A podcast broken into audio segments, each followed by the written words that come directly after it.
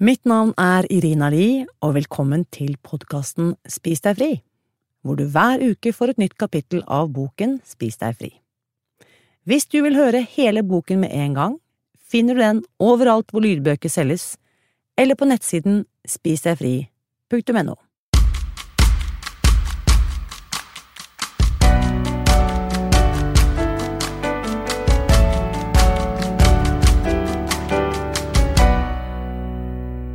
Del tre. Veikartet. Oppstarten.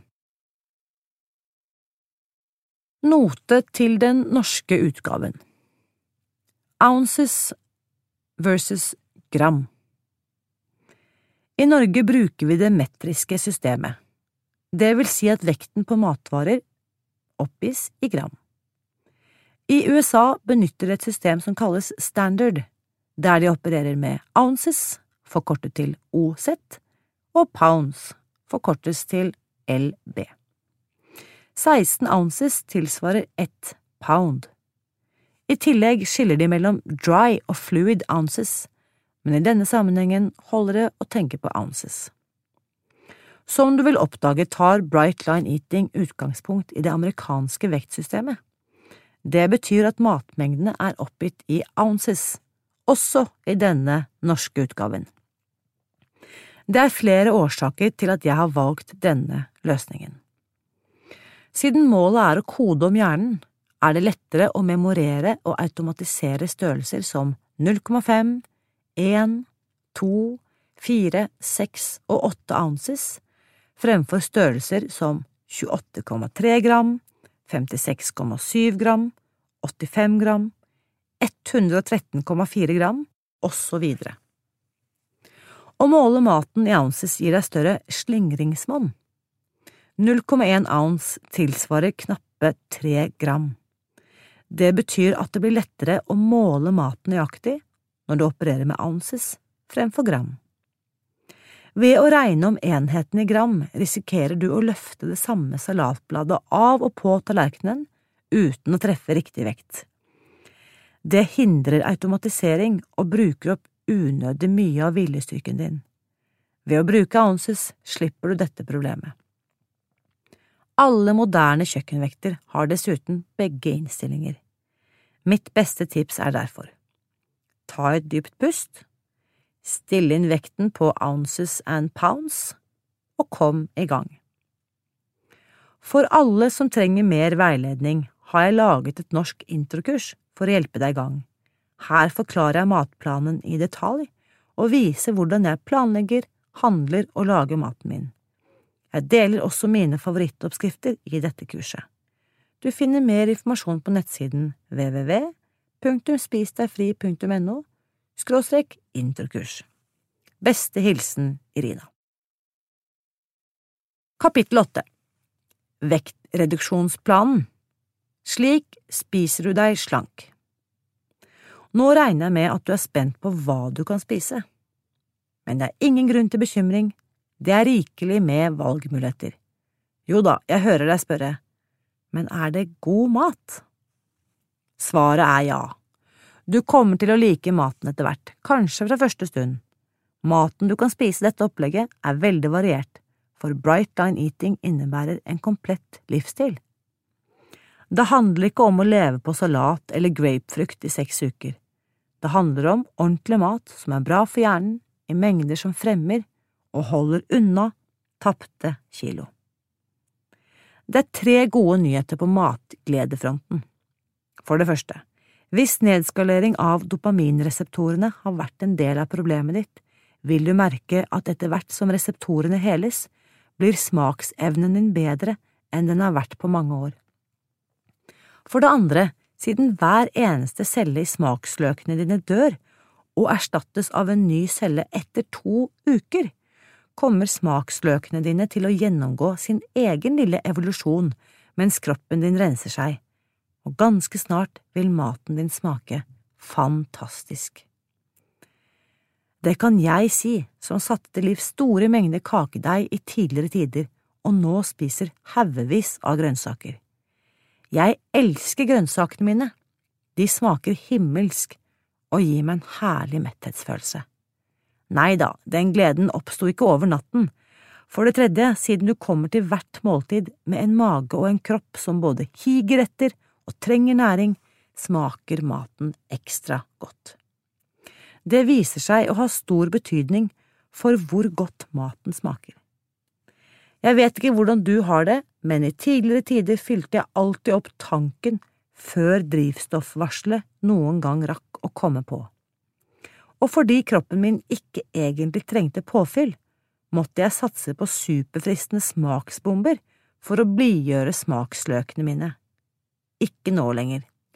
Når du virkelig er sulten fysiologisk sett, smaker det fenomenalt å spise et rikholdig, fargemettet, helsebringende måltid.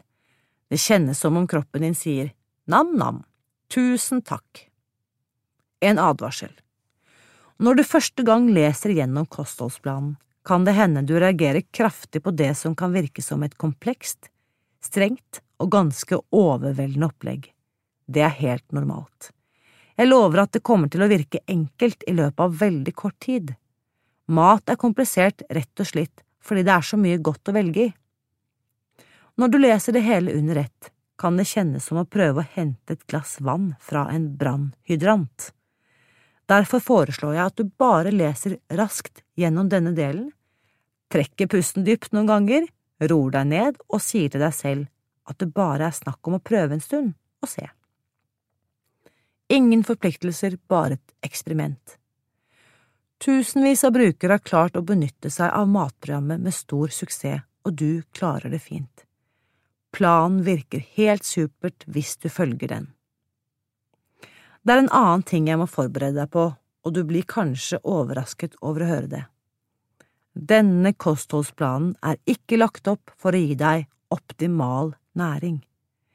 Den er utformet som en bredt anlagt, skånsom plan som vil sørge for at du blir lykkelig, slank og fri.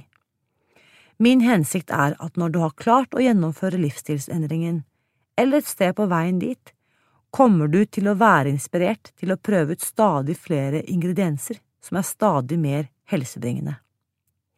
At du helt naturlig blir mer nysgjerrig på flere næringsemner og bestemmer deg for å bytte ut issalat med ruccolasalat eller grønnkål, for eksempel. Men fordi jeg ber deg kutte ut alt av sukker og mel, aldri spise mellom måltidene og alltid veie mengdene før du spiser, har jeg ikke lyst til å påtvinge deg enda flere begrensninger i begynnelsen med mindre det er helt nødvendig for å få i gang vekttapet. Det finnes andre eksperter som har som eneste mål å gjøre deg maksimalt frisk gjennom optimal ernæring, og vi trenger ikke flere eksperter på det området, for det er godt ivaretatt allerede.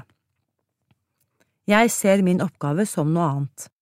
Jeg er her for å hjelpe deg over i en riktig kroppsstørrelse og gi deg tilbake full kontroll over din egen skjebne når det dreier seg om hva du putter i munnen.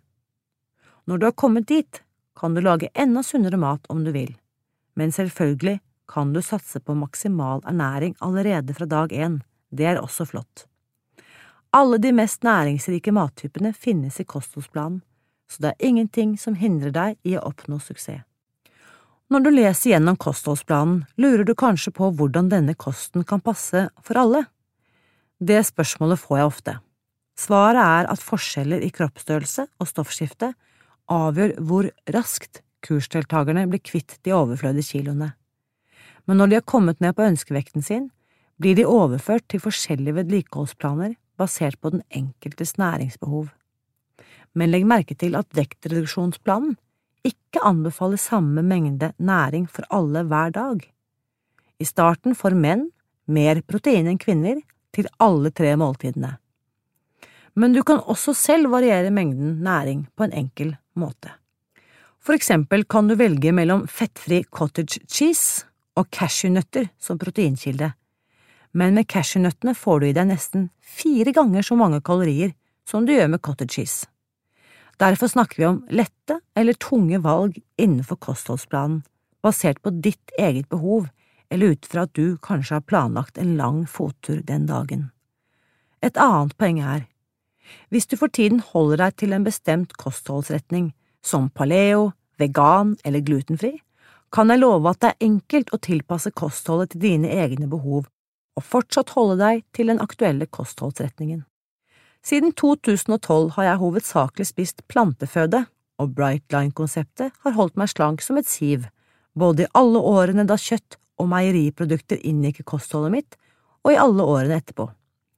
Så lenge den aktuelle matretningen ikke er basert på å spise småkaker som kveldskos, finnes det en måte Brightline-prinsippene kan få systemet til å fungere på. Helt til slutt, idet du gjør deg klar til å lese videre, inviterer jeg deg til å legge godviljen til og ha et åpent sinn. De som lykkes best med bright line eating, er de som stoler på planen og holder seg til den slik den er utarbeidet. Tross alt har ikke noen kostholdsplan hittil klart å få deg dit du ville, ikke sant? I tusener av tilfeller har det vist seg at dette veikartet virker. Stol på det. Alle tabellene i dette kapitlet finner du på nettsiden www.spisdegfri.no skråstrek lydbok. Vektreduksjonsplanen Hvis du ønsker å gå ned fem kilo eller mer, starter du her. Du holder deg til denne planen til du har kommet ned til ønskevekten. Har du allerede nådd ønskevekten, eller ønsker å gå ned mindre enn fem kilo, bør du lese gjennom dette kapitlet og deretter gå til begynnelsen av kapittel 14, som handler om vedlikeholdsplanen og hvordan du kommer i gang med den.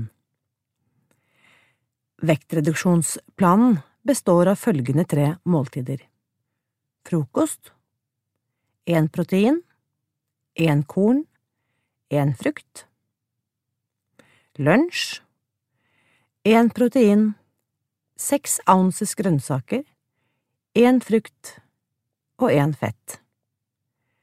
Middag én protein, 14 ounces grønnsaker og 1 fett. Det er mulig å overføre 4 ounces grønnsaker fra middag til lunsj og spise 10 ounces grønnsaker til begge disse måltidene. Hvor lang tid det tar deg å komme ned til ønskevekten, avhenger selvsagt av hvor mange kilo du trenger å kvitte deg med, og hvor raskt du går ned. Hvor raskt folk klarer å kvitte seg med overflødig vekt på Bright Line-programmet, varierer ganske mye, men i gjennomsnitt går folk ned 0,4 til 1,4 kilo per uke. Det vil si at noen går ned mer, andre går ned mindre, men de fleste ligger i den kategorien. Det er viktig å understreke at stikk i strid med utbredt oppfatning er det ikke noe vitenskapelig bevis for at det er bedre å gå ned langsomt. Jeg sier, bare få det unnagjort. Jeg har også sett gang på gang at folk på Bright Line-programmet endrer ønskevekten sin så snart kroppen har respondert på kostholdsplanen. Da jeg strevde med vekten min, hadde jeg som mål å komme ned i størrelse 38. Størrelse 34 var helt utenfor min fatteevne, tenkte jeg, og mente, hånden på hjertet, at jeg hadde grov benbygning. Nei da, benbygningen min var helt normal. Jeg er størrelse 34. Derfor skal du sette deg et mål, men bli ikke overrasket om det viser seg at størrelsen kryper nedover i løpet av noen få måneder. Når du begynner å nærme deg ønskevekten, kan du sjekke kapittel 14 om vedlikeholdsplanen. Der beskriver jeg i detalj hvordan du endrer kostholdsplanen for å bremse vektnedgangen og deretter stoppe den. Korn til frokost Helkorn passer fint inn i Brightline-planen, men i begynnelsen skal du bare spise korn til frokost. Når du nærmer deg ønskevekten, kan du spise korn også til lunsj og til slutt til middag. De fleste vanlige frokostblandingene er ikke med Brightline-konseptet fordi de inneholder sukker, mel eller begge deler. Det kan forresten nevnes at når det gjelder ferdigpakkede produkter, kan små mengder sukker og mel godtas. Effekten av både sukker og mel avhenger av dose, og erfaring har vist at øresmå mengder ikke vil føre til sug etter mer. Regelen her er at du må lese innholdsfortegnelsen på produktpakken, og hvis det ikke er listet opp sukker eller mel blant de første tre ingrediensene, er alt i orden. Du blir faktisk nødt til å lære deg å lese innholdsfortegnelsen på alle ferdigpakkede matvarer du kjøper. men mesteparten av maten din vil uansett bestå av råvarer, uten emballasje og uten innholdsfortegnelse. Bare noen få kommersielt fremstilte kornblandinger er akseptable, blant annet usukret, puffet hvete. Den inneholder ikke sukker eller mel. En type kornblanding har vært med på Brightline-planen helt fra starten, til tross for at den inneholder kunstig søtstoff, men bare som nummer ti på ingredienslisten. Det finnes ganske sikkert andre akseptable frokostblandinger som er å få kjøpt lokalt i ditt område. Husk bare på at du må være på vakt mot søtstoffer av alle slag og alle typer mel. Hvis du ikke tåler gluten, må du selvsagt finne et glutenfritt alternativ, men fortsatt gjelder det å passe på at det ikke oppgis noen form for søtstoff eller mel blant de første tre ingrediensene. Quinoaflak er min personlige favoritt til glutenfri frokostgrøt.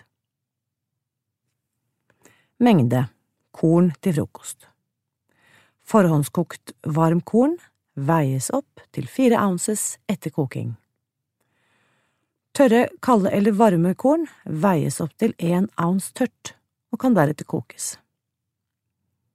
Mengder Potet fire ounces kokt Søtpotet fire ounces kokt Ris fire ounces kokt Quinoa fire ounces kokt Hirse fire ounces kokt. Havregryn én ounce tørt. Havrekli én ounce tørt. Gryn én ounce tørt. Quinoaflak én ounce tørt. Til kald frokostblanding veier du opp nøyaktig én ounce. Bruk elektronisk kjøkkenvekt av den valgte kornblandingen og spiser det tørt. Eller du kan tilsette melk, usøtet soyamelk eller usøtet yoghurt, som kan inngå som proteinet i måltidet. Alternative typer melk, mandelmelk, for eksempel, anbefales ikke i vektreduksjonsfasen på grunn av det ekstremt lave innholdet av protein og kalorier, men er akseptabelt Se merknad om frokostproteiner nedenfor, med råd om hvordan du kan fordele protein hvis du ønsker å benytte mandelmelk eller en annen type alternativ melk. Til varm grøt veier du opp nøyaktig én ounce og tilsetter vann, for eksempel fire til seks ounces, og koker grøten i mikrobølgeovn eller på komfyren til den har fått passende konsistens. Alternativt kan du koke den med en type melk om du velger det som frokostprotein. Proteiner Som kilde til frokostprotein er vanlig naturell eller gresk yoghurt like velegnet. Mager er å foretrekke fremfor fettreduserte eller helmelksprodukter, men her er det ingen streng regel. Nøtter og frø er kun akseptable hvis du ikke har hatt for vane å fråtse i dem.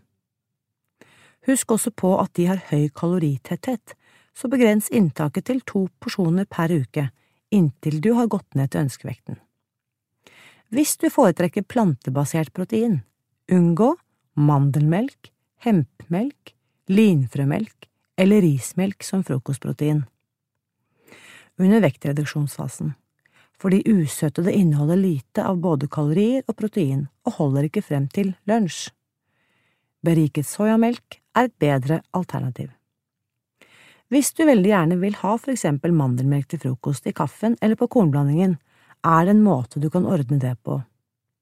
Del proteinmengden din i to, og ta fire ounces av en eller annen type melk pluss én ounce av nøtter eller frø. Eller en halv porsjon av bønner, ost, egg eller en annen proteinkilde du liker. Fordelen ved spesielt mandel- eller soyamelk og nøtte- og frøkombinasjonen er at den ene er litt lett, og den andre er litt tung så de oppveier hverandre perfekt. Du kan dele frokostproteinet ditt på denne måten hver dag om du vil. Jeg gjør det.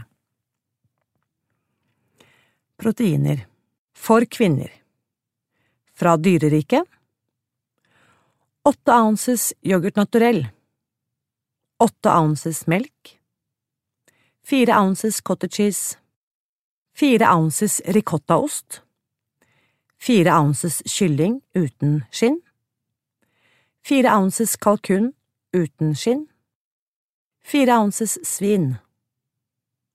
4 ounces okse, for eksempel karbonade, biff eller mørbradstrimler. 4 ounces lam.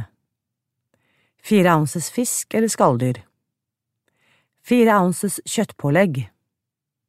Fire ounces leverpostei. To ounces spekemat. To ounces ost. Eller to egg. Proteiner for kvinner fra planteriket. Åtte ounces usøtet soyamelk. Åtte ounces usøtet mandelmelk. Åtte ounces usøtet annen type melk, for eksempel hirse, linfrø eller ris. Seks ounces linser. Seks ounces bønner. Eller to ounces ristede bønner for eksempel ristede kikerter. Fire ounces tofu, fire ounces hummus, fire ounces tempe, fire ounces skallfrie edamamebønner, fire ounces vegetarburger, to ounces soyakorn, to ounces soyanøtter. Eller tørrristede edamamebønner, to ounces nøtter. Eller nøttesmør. Og to ounces frø. Proteiner for menn fra dyreriket. Åtte ounces yoghurt naturell. Åtte ounces melk. Seks ounces cottage cheese Seks ounces ricottaost Seks ounces kylling uten skinn.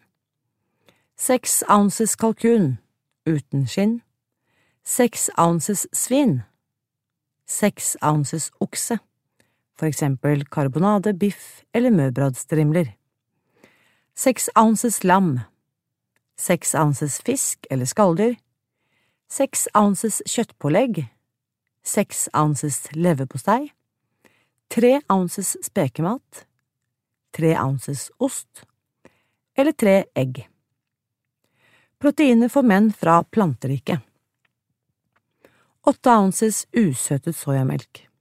Åtte ounces usøtet mandelmelk. Åtte ounces usøtet annen type melk, for eksempel hirse, linfrø eller ris. Seks ounces linser. Seks ounces bønner, eller to ounces ristede bønner, for eksempel ristede kikerter.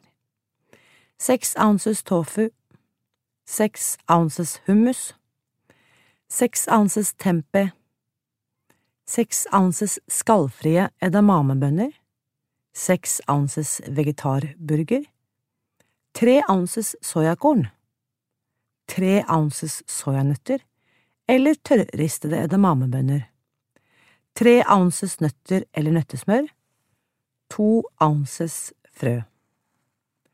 Denne listen er kun forslag til hvilke proteiner du kan spise til frokost, lunsj og middag. Alle typer protein kan brukes til alle måltider. Et viktig tips angående lunsj- og middagsprotein. Du må passe på å veie maten etter at du har kokt eller stekt den. Hvis du for eksempel skal spise en hamburger, må du ikke veie den rå hamburgeren før du legger den på grillen eller i stekepannen. Den kommer nemlig til å krympe så mye som 25 til 50 prosent. Når du koker eller steker mat, inkludert proteinholdige råvarer og grønnsaker, lønner det seg derfor å lage i stand nok til flere porsjoner. Da får du restemat, samtidig som du kan få veid straksporsjonen etter at den er ferdig tilberedt. Bacon er ikke med i kostholdsplanen, hovedsakelig fordi det kreves en stor mengde for å komme opp i fire eller seks ounces. Vær ellers veldig forsiktig med ferdiglagde kjøttprodukter som kjøttpålegg og pølser. Det er viktig å lese innholdsfortegnelsen nøye for å forsikre deg om at sukker, dekstrose eller lignende, eller mel eller en annen type stivelse ikke er listet opp blant de første tre ingrediensene. Det er mye bedre å spise ubehandlet kjøtt helst økologisk fra velrenommert gårdsdrift.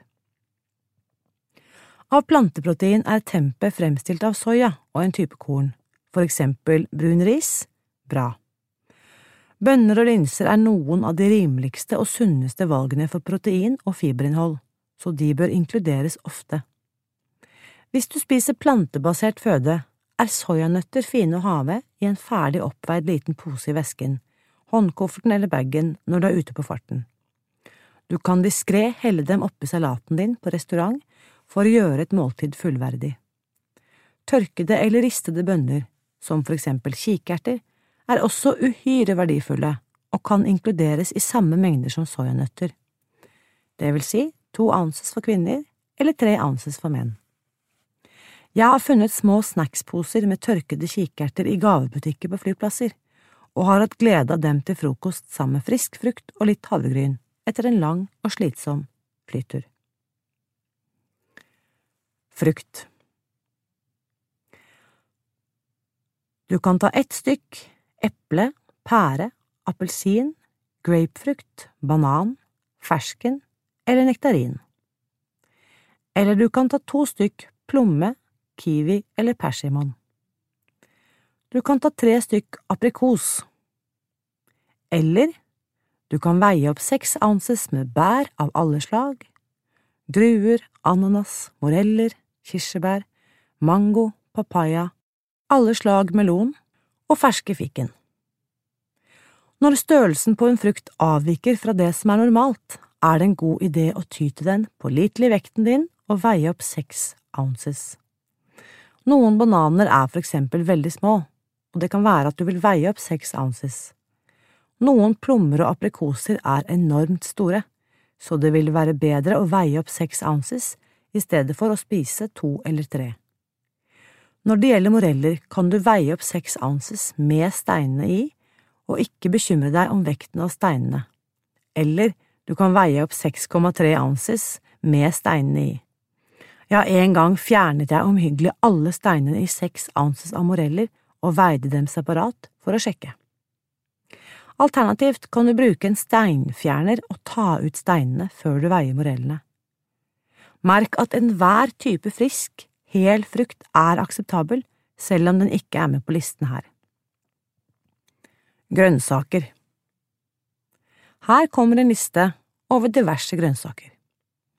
Artisjokkhjerter, asparges, rødbetblader, rødbeter, pak choi, brokkoli, brokkoli rabé, rosenkål, kål, blomkål, gulrot, selleri, grønnkål, slangeagurk, løvetannblader, aubergine, grønne bønner, kinesisk nepe, purre, bladsalat, sopp, løk, paprika, radicchiosalat, reddiker, kinesiske sukkererter, spagettigressskar, spinat, sukkererter, bladbete, tomater, turnipsblader, engelsk karse, gult sommergresskar eller squash. Merk at denne listen ikke er uttømmende for alle typer grønnsaker.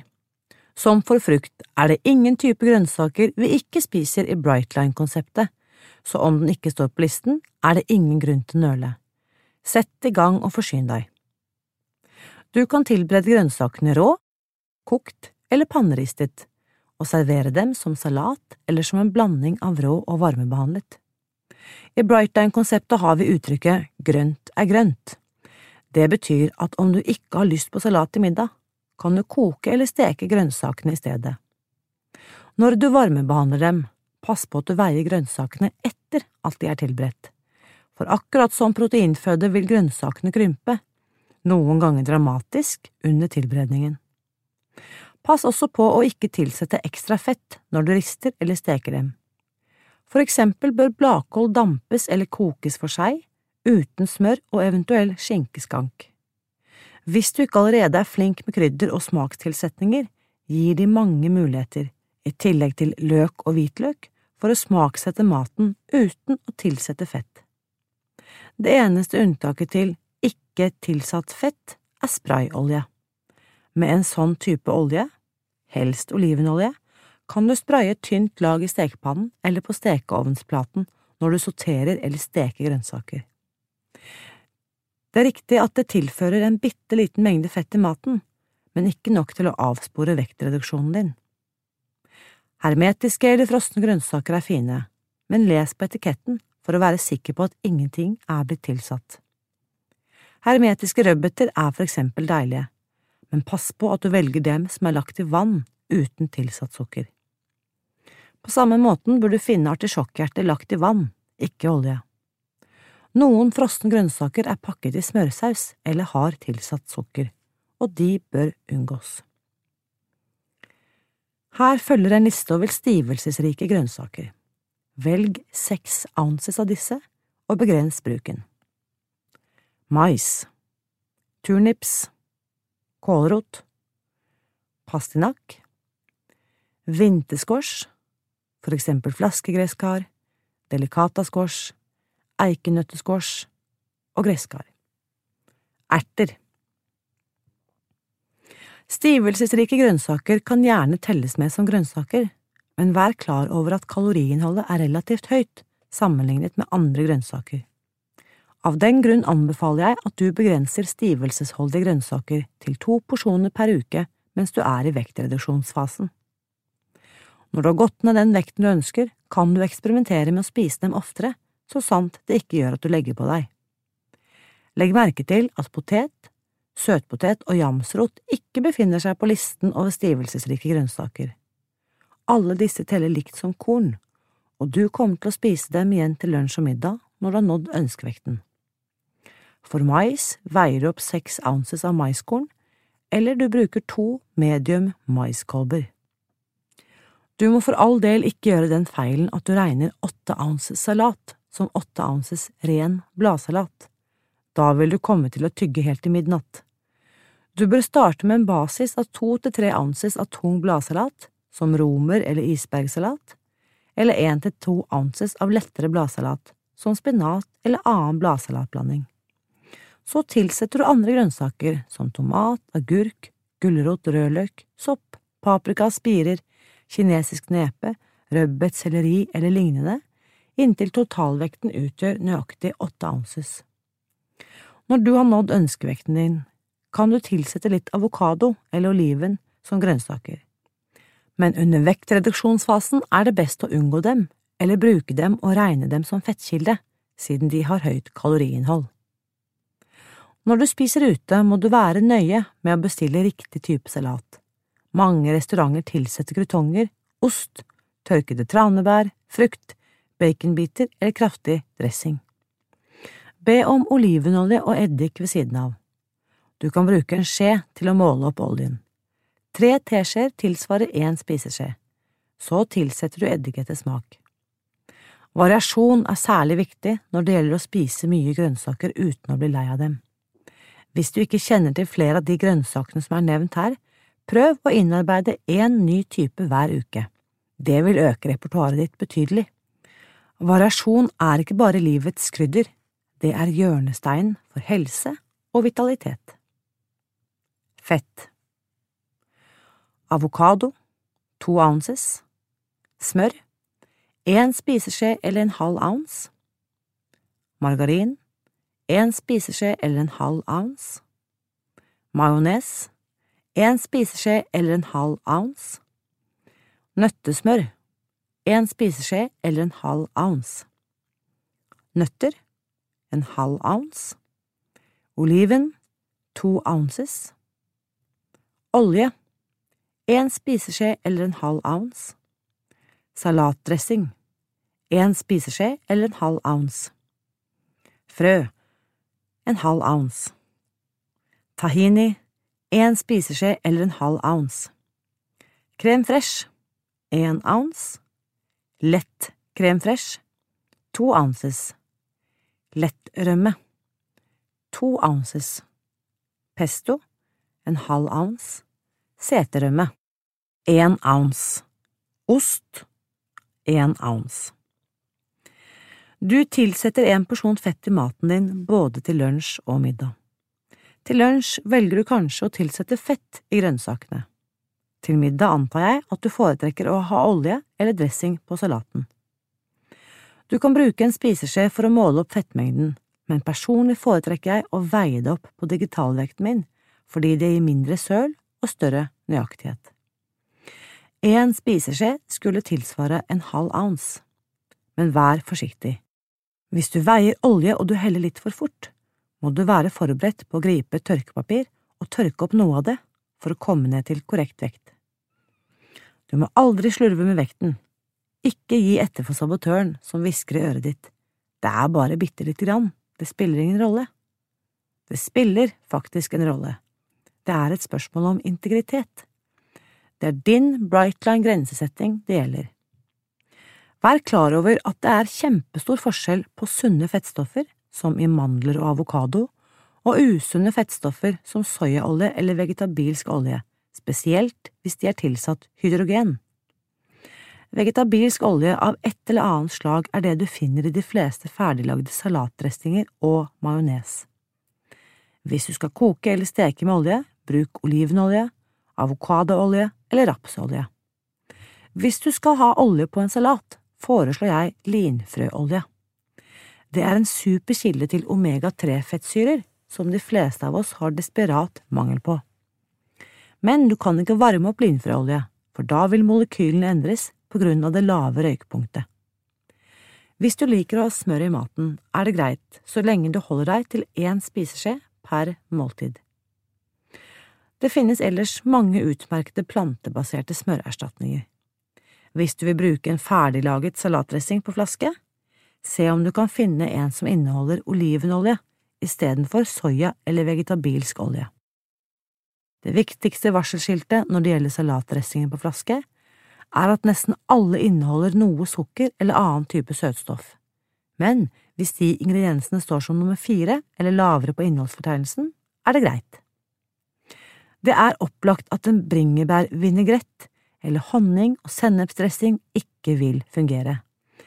De har garantert et søtstoff eller to blant de første tre ingrediensene. Ranch-dressinger varierer. Noen er ok, og andre har sukker listet opp blant de første tre ingrediensene. De fleste blåmuggostdressinger er greie, og det samme gjelder mange, men ikke alle vinegrettdressinger. Sørg bare for å lese på innholdsfortegnelsen. Jeg vil også gjerne bemerke at det for tiden hersker stor uenighet mellom intelligente, høyt respekterte fagpersoner når det gjelder fettinnhold i et sunt kosthold. Noen anbefaler sterkt et kosthold med lite eller ikke noe tillegg av fett. Andre sier at sunt fett er en nødvendig og integrert del av et balansert kosthold. Jeg vet at noen har meget sterke, heftige meninger om dette temaet. Mitt eget syn kan tenkes å endre seg i fremtiden, men i forbindelse med utgivelsen av denne boken inntar jeg agnostikerens posisjon når det gjelder fettets rolle i et sunt kosthold. Jeg tror ærlig talt ikke at det ligger noen udetonert bombe i forskningslitteraturen, verken den ene eller den andre veien. Min erfaring etter å ha samarbeidet med flere tusen mennesker er at de viktigste grepene i en sunn kostholdsplan er å kutte ut sukker og mel helt og holdent, å spise rikelige mengder grønnsaker og å sørge for akkurat nok av fett, protein og fiber til å regulere ned den glykemiske belastningen i hvert måltid, slik at insulinnivået holder seg stabilt og hjernen kan komme i balanse. Hvis du sørger for alt det, tror jeg kroppen tilgir det meste for øvrig. Igjen vil jeg anbefale at du stoler på og prøver ut kostholdsplanen slik den er lagt opp. Men hvis du har synspunkter som gjør det vanskelig å inkludere fett i kostholdet ditt, bør du absolutt legge til rette for at det skal harmonere med din egen overbevisning. Tilsvarende, hvis du mener du trenger mer sunt fett, for eksempel til frokost, kan du legge det til og fjerne noe annet. Men gjør endringene én gang, helt i starten, og sørg for at planen er konsekvent fra dag til dag. Å være konsekvent er nøkkelen her. Brightline Eating er et program med klare grensesetninger ikke et program for askese eller forsakelse. Jeg mener absolutt at mat skal smake deilig, og at vi virkelig skal nyte måltidene våre. Smakstilsetninger, krydder, urter, salt og pepper er enkle tilskudd som kan gjøre et måltid helt fenomenalt. Bare sjekk at ferdiglagde smakstilsetninger ikke innehar sukker eller mel blant de første tre ingrediensene i innholdsfortegnelsen. Pass også på hvordan du bruker dem. Jeg vet om folk, meg selv inkludert, som har gått amok på salsa, næringsgjær, kanel, sennep og balsamicoeddik, for å nevne noen. Når jeg merker at jeg faller ned på det mønsteret, pleier jeg å unngå den smakstilsetningen i en periode. Men generelt er alle typer smakstilsetninger bra. Bedre enn det, de er fantastiske. Næringsgjær på en salat, salsa blandet i en enkel bønnegryte, kanel på havregrøt, sitronsaft og soyasaus på brokkoli. Nam-nam. Smakstilsetninger. Kapers. To ounces per måltid. Sennep, kanel, eddik, inkludert balsamico, urter, salsa, to ounces per måltid, kryddersaus, salt og pepper, sitronsaft, soyasaus, limejuice, krydder, tomatsaus, to ounces per måltid, og næringsgjær, en halv ounce per måltid. Et par ord om salt. Natrium og kloridioner spiller en viktig rolle i celleprosesser, inkludert overføring av nerveimpulser mellom to nerveceller i en synapse i hjernen. Når du kutter ut det typiske vestlige kostholdet og gir opp industrielt fremstilt mat til fordel for gode råvarer, kommer natriuminntaket ditt til å gå brått nedover. Hvis du har svært høyt blodtrykk, er det en stor fordel, men hvis du har lavt blodtrykk, kan det tenkes at du vil føle svimmelhet av og til. Det kan ofte unngås ved at du drikker rikelig med vann og tar inn litt mer salt.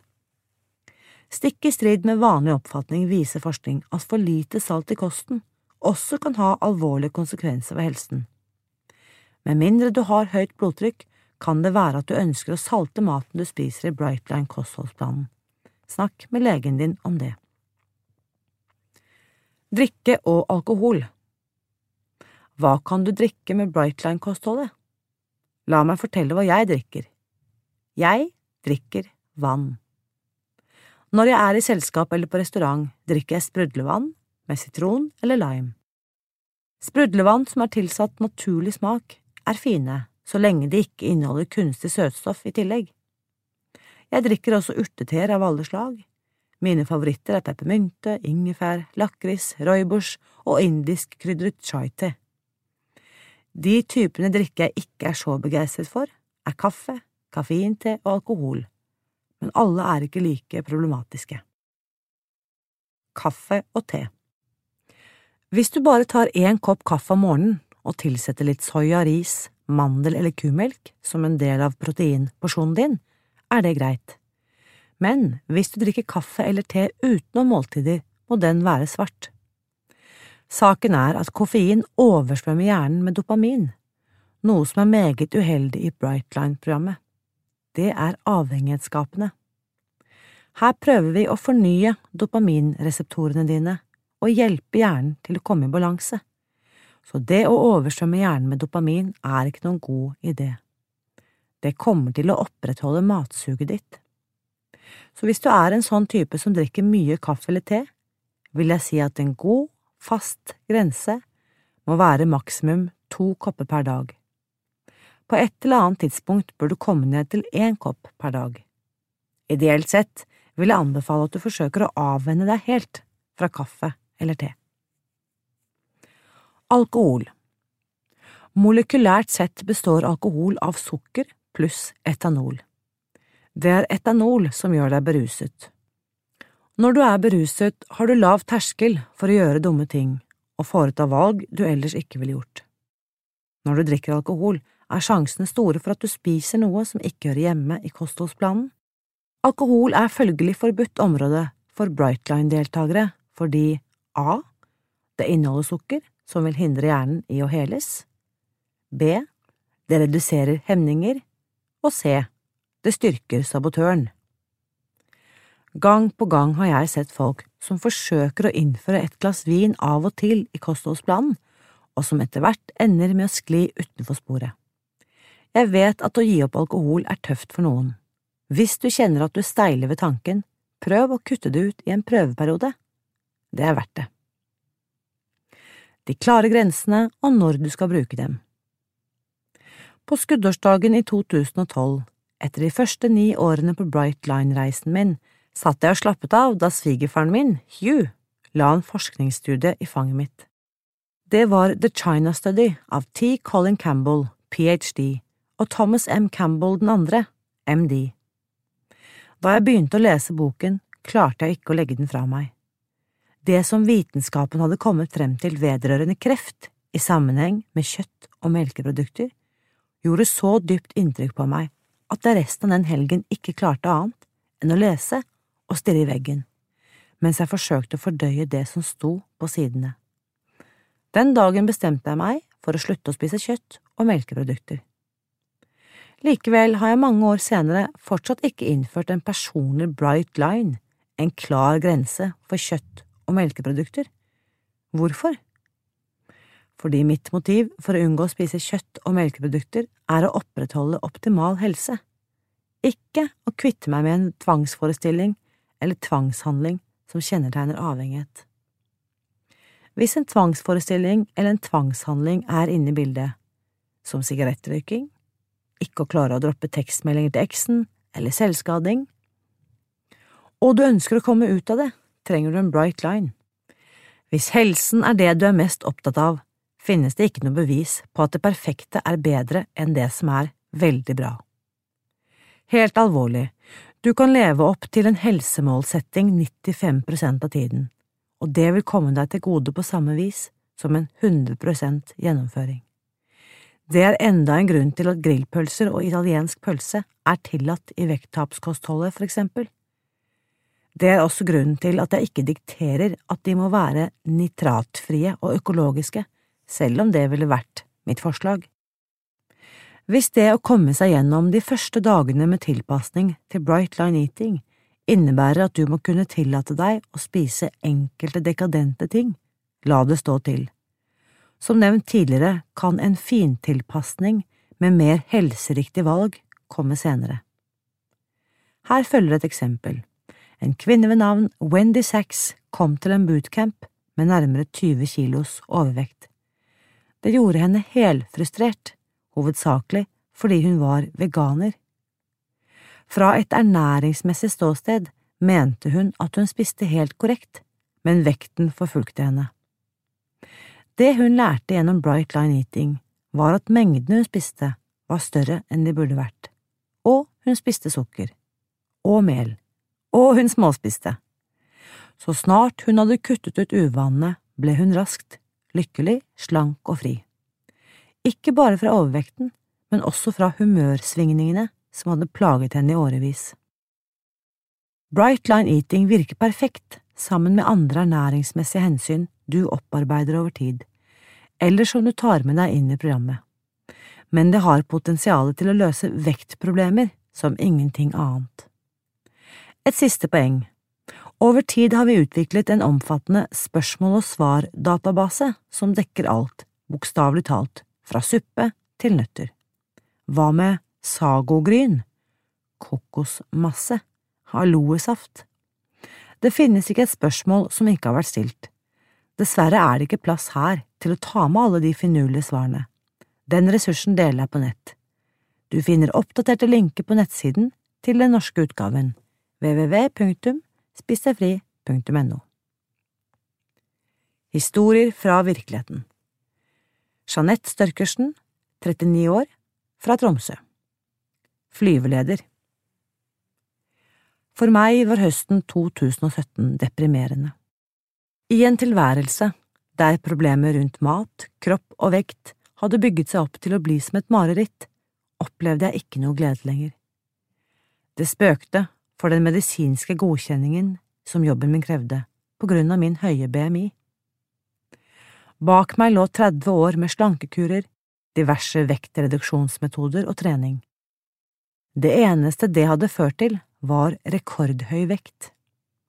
Jeg visste ikke hvordan jeg skulle klare å mobilisere nok motivasjon til å iverksette en ny runde med noe jeg tidligere hadde prøvd, eller lete etter ny og uprøvd metode for hundrede gang. Utad var fasaden selvfølgelig intakt. Det eneste man kunne se på meg, var en stor kropp, men jeg drømte bare om å isolere meg enda mer. Det er lett å poste på Facebook, sende noen snapper med lykkefjes og svare på SMS for å holde folk på avstand, når man ikke er i stand til å sette opp et fasadefjes lenger. Mye lettere enn å gjøre det man virkelig trenger å gjøre, som er å rope ut og be om hjelp. Jeg hadde søkt helsevesenet om hjelp for spiseatferden min, som var ute av kontroll.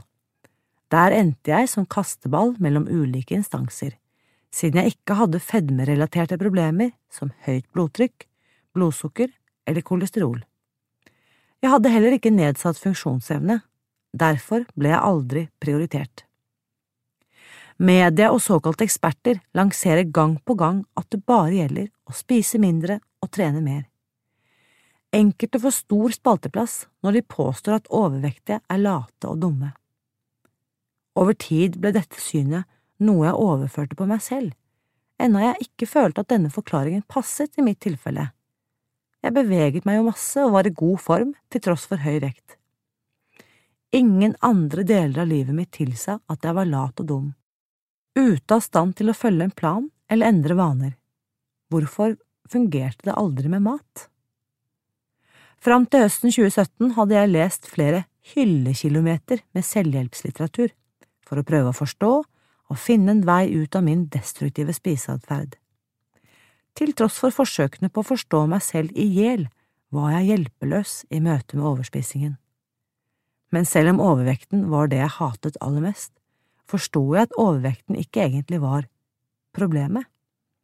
Overvekten var ikke engang diagnosen, jeg led ikke av overvekt. Den var et symptom på noe annet som var galt. Det var dette andre jeg måtte komme til bunns i. Klarte jeg det, ville vekten løse seg selv, tenkte jeg. Dermed meldte jeg meg inn i en forening for personer med spiseforstyrrelser. Jeg var egentlig i gang med dette programmet da jeg oppdaget boken Spis deg fri i en bokhandel. Jeg hadde lovet meg selv aldri å kjøpe en ny slankebok, men klarte av en eller annen grunn ikke å gå fra den boken. Kanskje var det tittelen som appellerte? Det skulle gå litt tid før jeg endelig åpnet den. Da jeg omsider begynte å lese, var det som å lese om meg selv. Endelig fikk jeg en forklaring som gjorde at alt falt på plass, også hvorfor alt annet ikke hadde fungert. Likevel skremte løsningen vann av meg, uansett hvor logisk den fremsto. Aldri mer sukker og mel? Er det i det hele tatt mulig? Selv om jeg skjønte at totalavhold var eneste løsning for en alkoholiker eller narkoman som ville kureres for avhengigheten sin, tenkte jeg at det måtte være annerledes med sukker og mel. Det var for utrolig at disse to næringsmidlene kunne være i samme kategori som narkotiske stoffer. De har jo tross alt vært en del av det norske kostholdet i alle år, noe som mange kan spise uten problemer.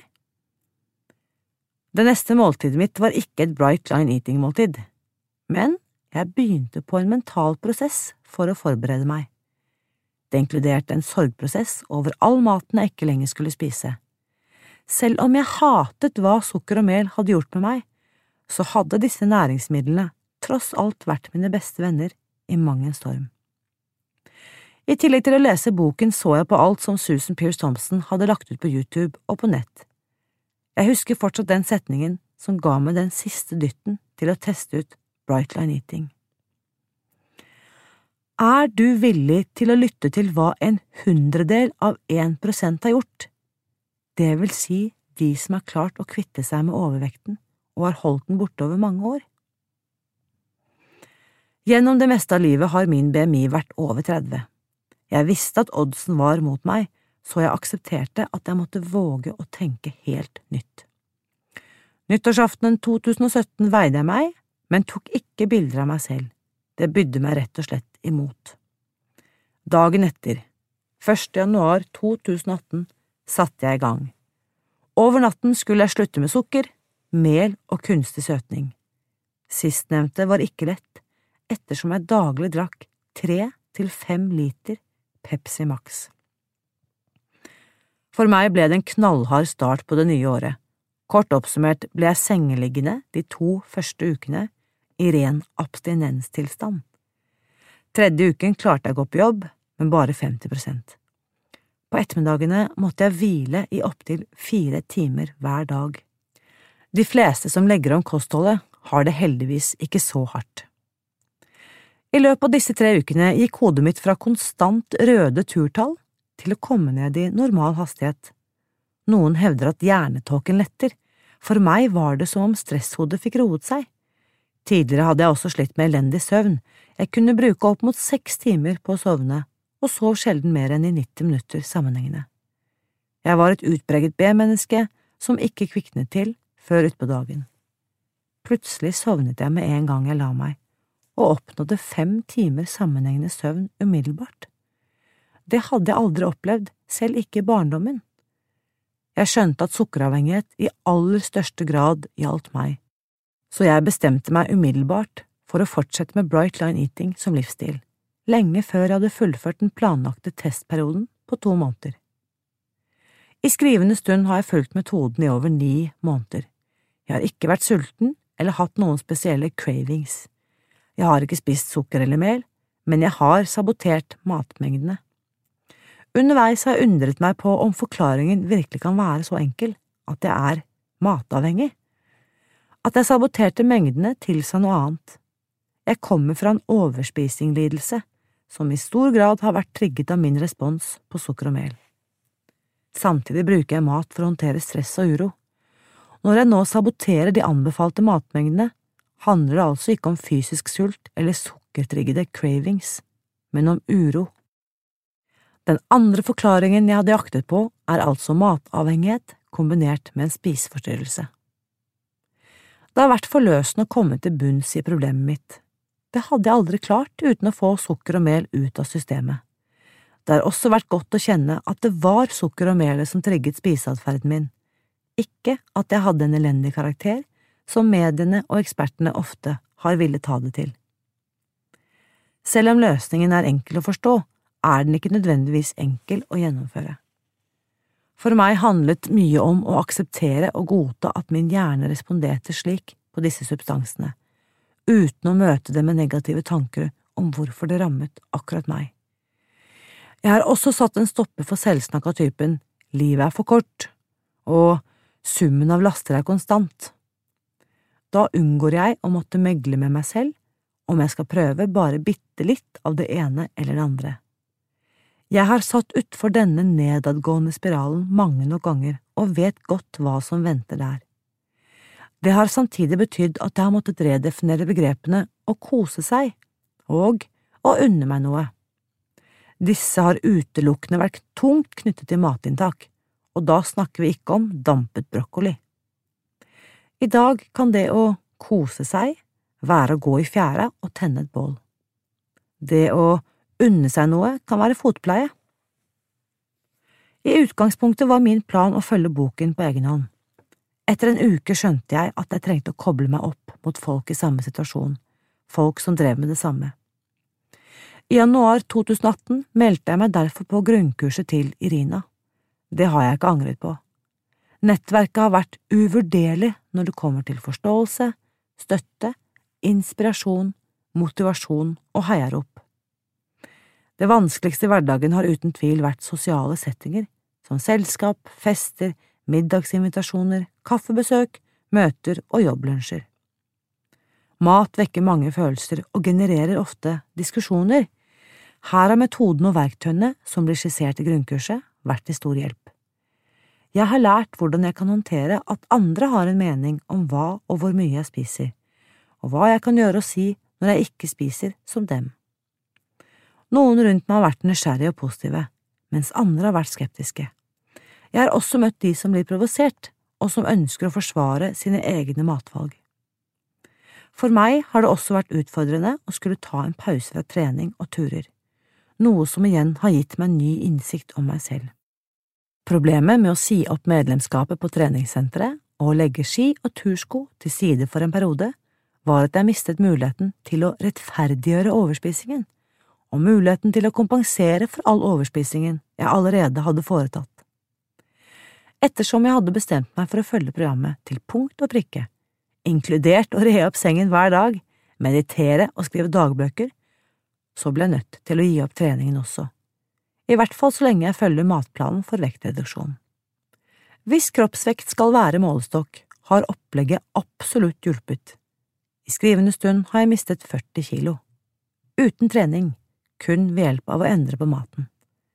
Jeg ville aldri trodd at det var mulig dersom jeg ikke hadde opplevd det selv. Den absolutt største gevinsten er likevel den mentale. Jeg sliter ikke lenger med Duracell-kaninhjerne. Søvnmangel, elendig energi, selvkritikk, selvforakt, hindringer, usikkerhet, panikk, bekymringer, mindreverdighet, skam og skadeskutt selvtillit. Alt det er historie. Jeg har fått et nytt liv i gave og er evig takknemlig. Har du noen spørsmål etter dagens episode? Da vil jeg invitere deg til å bli med på min faste livesending på Facebook-siden Spis deg fri, onsdag klokken ett, hvor du kan få svar på direkten. Helt til slutt, mitt motto er at gode nyheter er skapt for å deles. Du kan bidra ved å abonnere på denne podkasten og dele den med dine venner. Neste episode kommer neste søndag.